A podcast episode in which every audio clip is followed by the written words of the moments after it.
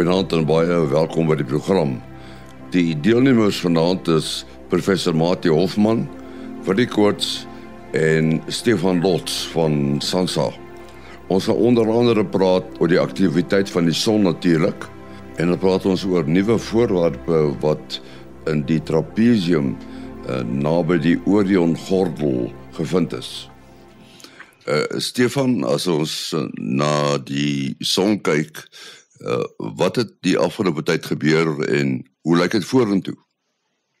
Die son is redelik aktief die afgelope ruk, maar dit was daar was meer hoe kan mense sê kwantiteit en nie baie kwaliteit nie, as ons dit nou so so wil noem. Daar was oor die 100 C-klas sonvakkels en en twee M-klas vakkels net die afgelope week. Maar soos ons weet, hierdie ouetjies is relatief klein. 'n C-klas vakkel is is 10 keer so klein as as 'n M-klas fakkel wat 10 keer so klein as 'n X-klas fakkel is. Dit het nou nie vreeslik die die ligte uitgeskiet uh, in daai sin nie. Ehm um, daar was 'n paar massa uitbarstings, maar dit was almal redelik swak en ook nog nie gehou effektief nie met ander woorde, dit het nie direk die aarde se se magnetosfeer ge, getref nie. As wel 'n lekker matige uh, stormpie op die 24ste September by die radio ehm um, frekwensies so bietjie belemmer het. Ehm um, maar ons wat nou selfone en so goed gebruik en nie hoë frekwensie radio gebruik nie, so dit nou nie ook nie agtergekom het nie. So 'n paar filament uitbarstings gewees, maar weer eens effens en nie vinnig of dig genoeg om nou enigiemand hier by Sansa wakker te hou nie. Ehm um, interessant genoeg was die agterkant van die son nogal lekker aktief die afgelope ruk, maar die ouens wat ehm um, wat belangstel in die in, in buiteruimtelike sendinge en as ons dus byvoorbeeld op pad Mars toe sou wees of of op Parker Solar Probe soos wat ons later in die program sal sal hoor ehm um, sou nou weer hier in belang gestel het. So ja, die voorkant van die son nie baie aktief die afgelope ruk nie. Uh tans lyk hy ook maar 'n bietjie die mekaar, maar daar's nou niks vrees aan Jan op pad nie. Uh um as 'n paar ek dink so drie relatief komplekse aktiewe areas sigbaar en die interessantste van die drie het tans so 70% kans vir 'n M+ uitbarsting in volgende dag of wat. So maar sien of dit gebeur. Die die waarnemings wat julle doen, is dit met radiogolwe, is dit teleskope nie, né? Ehm um, nee, dis 'n dis 'n dis 'n klomp instrumente. So van hulle is is effektiewe radioantenne ehm um, wat kyk na die radio uh band se emissies van die son af. Ehm um, ons het so ook hier daar in Sutherland. Uh hy's deel van 'n internasionale netwerk, maar ons gebruik ons maak ook baie gebruik van satellietwaarnemings van die son. Ehm um, wat dan nou direk die die ekstra bestraling meet buite die magnetosfeer uh, of buite die ja, buite die aarde se magnetveld. Ehm um, so ons, ons maak van beide gebruik. As as ek nou so met mense praat oor oor die sterre en veral nou, jy weet die die sogenaamde somerkonstellasie Orion, dan is dit nou mos die gordel en dan uh die die skynsteel waar die nevel in sit en in die nevel sit daar mos die trapezium. Nou nou Mati, ek ek sien hulle sê hulle ek dink as James Webb het nou uh goedjies gesien wat in die trapezium is, is ek reg? En ja, daardie gebied is natuurlik 'n baie baie gewilde gebied vir amateursterrekundiges om om na te kyk en dit vir ander mense te wys. Ehm um, en die trapeziumsterre lyk amper soos 'n miniatuur suiderkruis. Weet dit is relatiewe jong sterre of eintlik baie jong sterre wat in daardie uh Orion nevel gevorm is. En uh nou ons uh, kyk nou hier na waarnemings wat met die James Webb teleskoop gemaak is. Uh dan wil ek net teruggaan na die James Webb teleskoop se voorganger wel wat nog steeds uh, baie goeie werk doen die Hubble ruimteteleskoop en van die beroemde waarnemings wat die Hubble teleskoop gedoen het was juis ook in daardie selfde gebied in die groot Orion nevel en met sy uh hoër resolusie of baie skerp uh sig kon, kon hy strukture waarneem wat soos ehm um, proto wat as protos uh, sonnestelsels beskou kan word. Dit is 'n klein kokonne van uh van massa wat saamgetrek het en dan uh, party van hulle kan jy sien dit lyk of daar 'n uh, lig begin deurbreek. So dit is uh, nou min of meer hoe ons dink ook ons sonnestelsel ontwikkel het uit 'n geweldige klomp materie rondom ons son wat dan nou so saamgetrek het en die hele stelsel het geroteer en so aan. Uh so dit is 'n baie uh, interessante gebied om te bestudeer. Uh dit is ongeveer op 'n afstand van 1500 ligjare en ehm um, dis nou dan ook uh weet so dis taamlik ver, dis nog nie in ander sterrestelsels nie, so dit is nog maar in ons uh, naby omgewing. Uh, maar wat nou waargeneem is en dis dan nou in die infrarooi is 'n hele aantal hulle sê ongeveer 540 voorwerpe wat nie sterre kan wees nie, hulle te min massa wat daar so beweeg. Party van hulle beweeg vry, so hulle roteer nie om om 'n ster nie en ander beweeg in pare.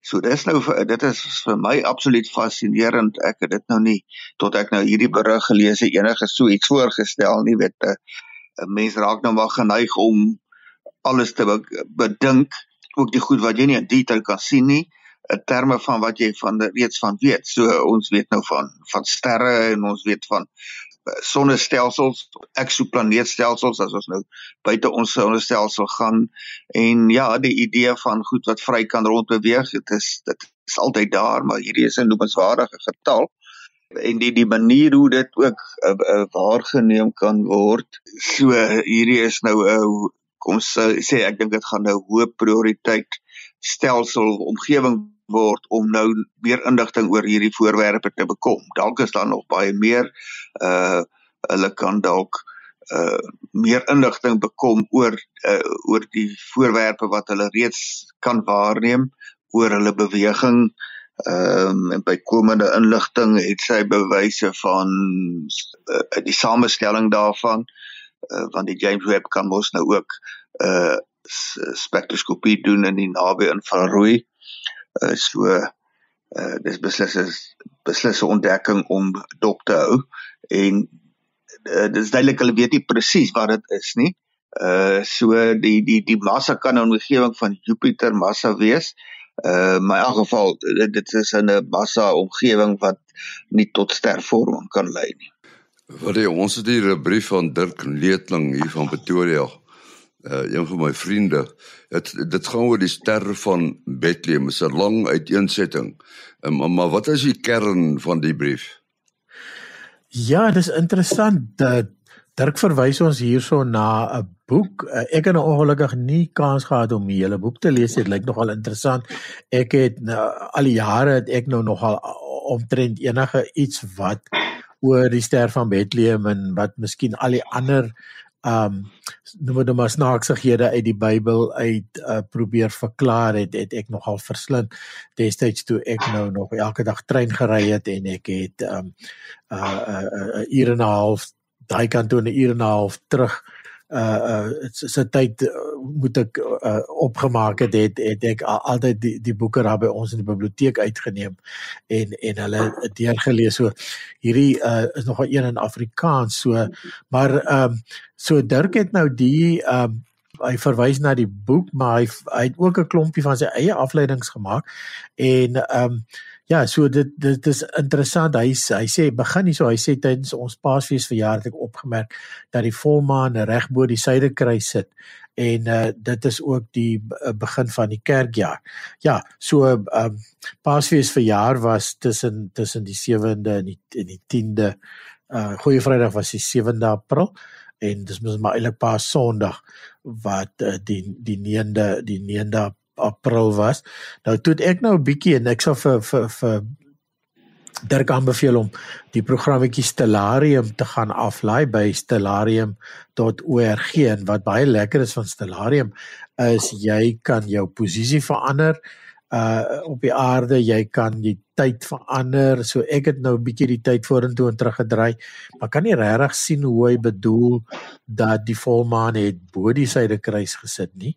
Ehm um, vir my het die suider die suiderkruis op sy kop gelê uh hier in die wat is dit nou die suidooste en en dan dan het die dan het die maan meer na die ooste die volmaan na die ooste toe gekom. Hy hy beweeg mos nou maar eintlik uh noordoos en dan gaan hy oor. Ehm um, so dit dis die een die een die eerste stelling wat ek 'n bietjie oor wonder wat ek heeltemal verstaan nie. Ja, miskien moet ek net gou oor Paasfees weer. Paasfees skuif natuurlik rond. En uh, want later in die brief noem hy ook van uh nou dit, dit begin nou in die kerkjaar en wat ook al maar onthou Paasfees uh die definisie van Paas Sondag is die eerste Sondag na die eerste volmaan na die ewening. So jy moet eers die ewening kry dag en nag ewe lank, dan kry jy die volgende volmaan en dan en dan die volgende Sondag. Eerste Sondag daarna. So Paasfees skuif tussen 22 Maart en 25 April. So vir jaar was hy bietjie bietjie aan die later kant, maar uh, ja, so in sy brief verwys hy hier op 'n kol na na uh, asof Paasfees altyd die eerste week van van April gebeur. So dit is ook nie uh heeltemal reg nie. Dan uh, sê van die astroloë van daai tyd uh, lyk dit vir hom word nie net die planete gebruik nie, maar hulle het ook die sterre gebruik. Gebruik en ja, kyk daai tyd was astrologie sterrewiggelary en en astronomie of sterrekunde was eintlik in een geweef. Dis beslis so van die verduidelikings vir die moontlike datum wat Jesus gebore is, kyk hulle byvoorbeeld in wat se uh, 'n konstellasie het 'n sekere ding gebeur en en sekere van die konstellasies het te doen met 'n koning. So so die goed ja, die goed maak maak maak, maak definitief definitief sin. Hy uh, praat hierso van in April 22 in die dans van die sterre waargeneem en dit wat dit herhaal elke 400 jaar. Ehm um, ek is nie heeltemal seker of dit reg is nie. Ons kry maar gedurig dat die planete onder ons is met mekaar hier so het. Hy hy praat ook later van 4 voor Christus. So ek neem aan in hierdie boek ehm um, uh, het hulle die geboorte van Jesus op 4 voor Christus geskat. Nou um, een groot probleem met 4 voor Christus is toe was Herodes reeds dood. Uh sê die historiese vir ons. So dit was dit beteken dit moes vroeër gewees het.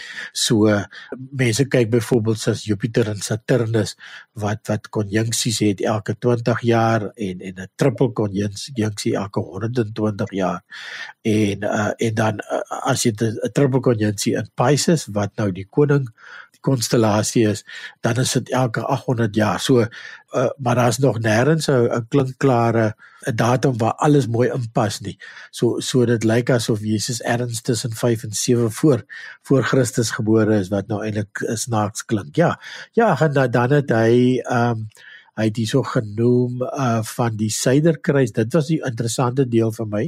Um so ek neem aan die boek uh want hy het nou spesifiek uh, Dirk het nou gekyk na die suiderkruis en die volmaan.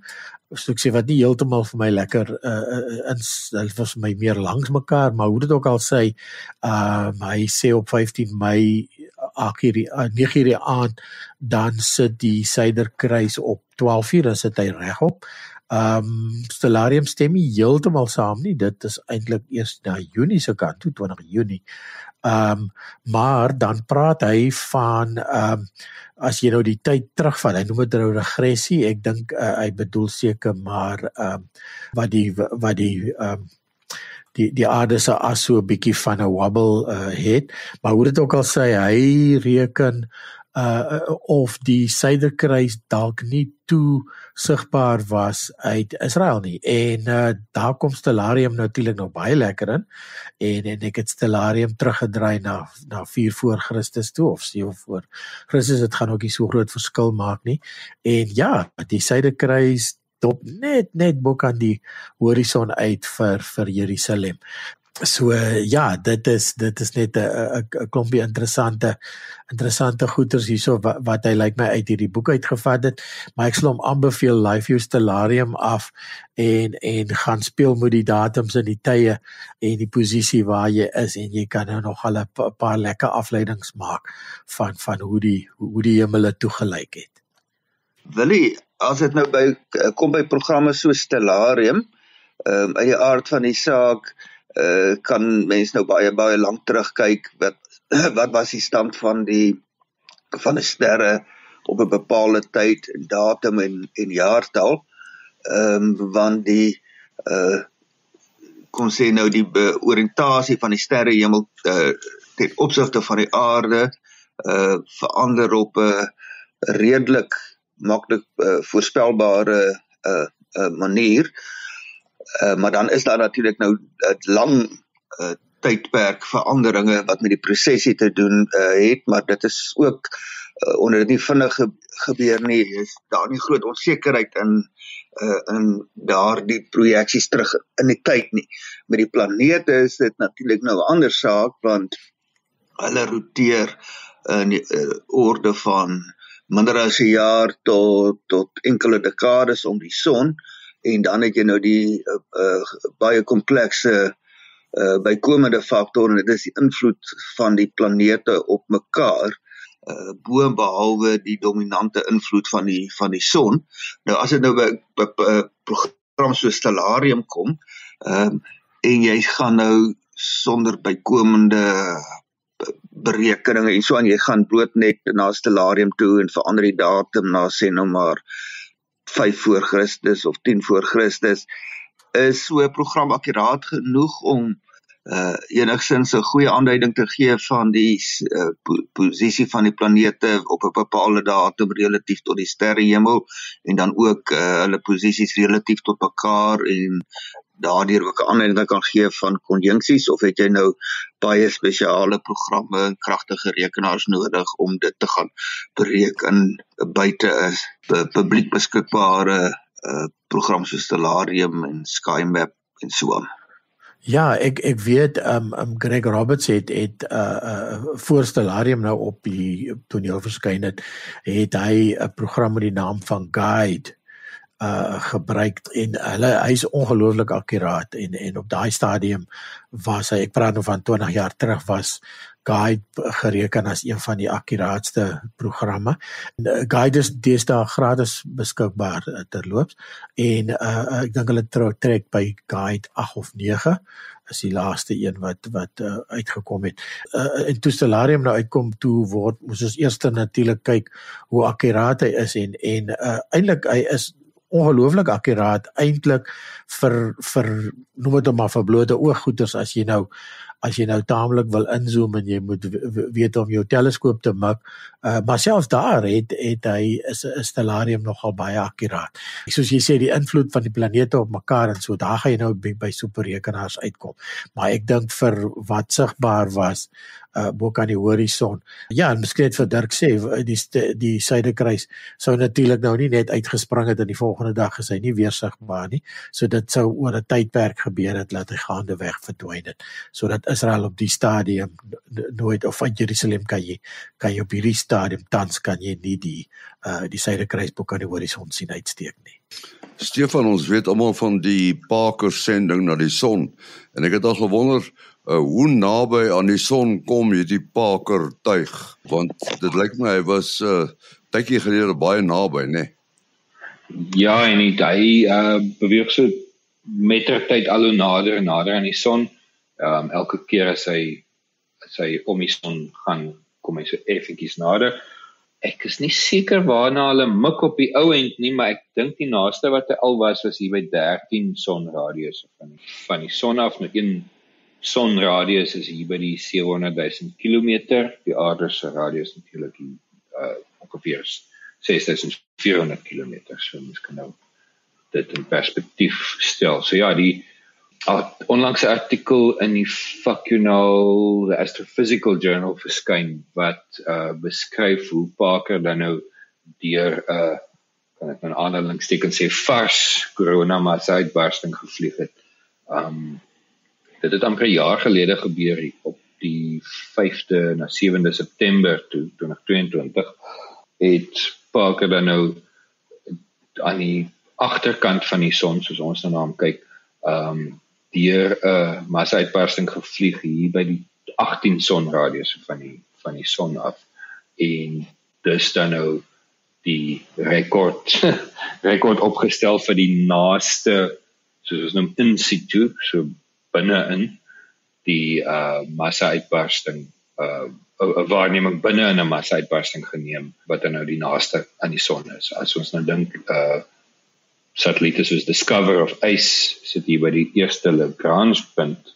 Um en dis uh met am, amper al by die aarde. So hulle neem ook in situ waarnemings van die van koronamassa uitbarstings, maar eers wanneer dit al omtrent by die aarde trek. Nou ja, die uh waarnemings is nou gemaak en die artikel beskryf dan nou wat hulle wat hulle wys geraak het.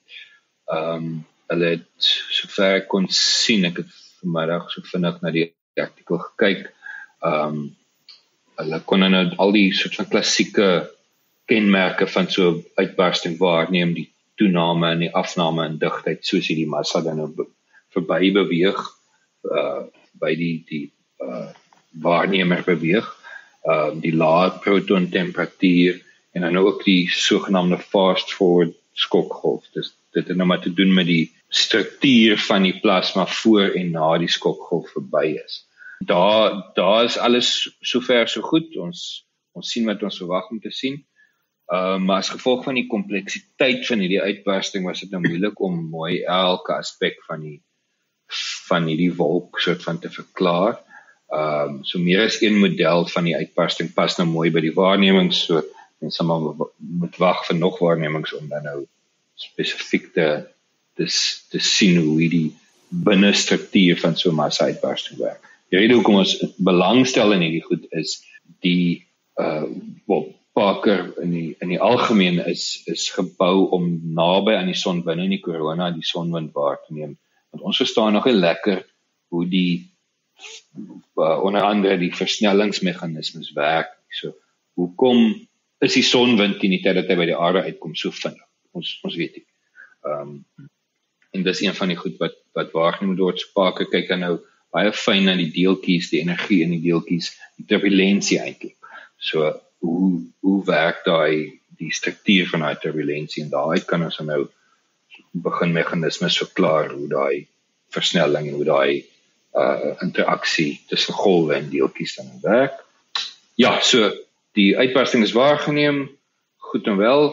Ehm um, en dan ook in die naloop of die soort van die sleepsel agter die uitbarsting is dan nou mooi waargeneem hoe die ehm um, sogenaamde current sheet uh heliospheric current sheet. Ek weet nie wat 'n mooi Afrikaanse woord daarvoor is nie.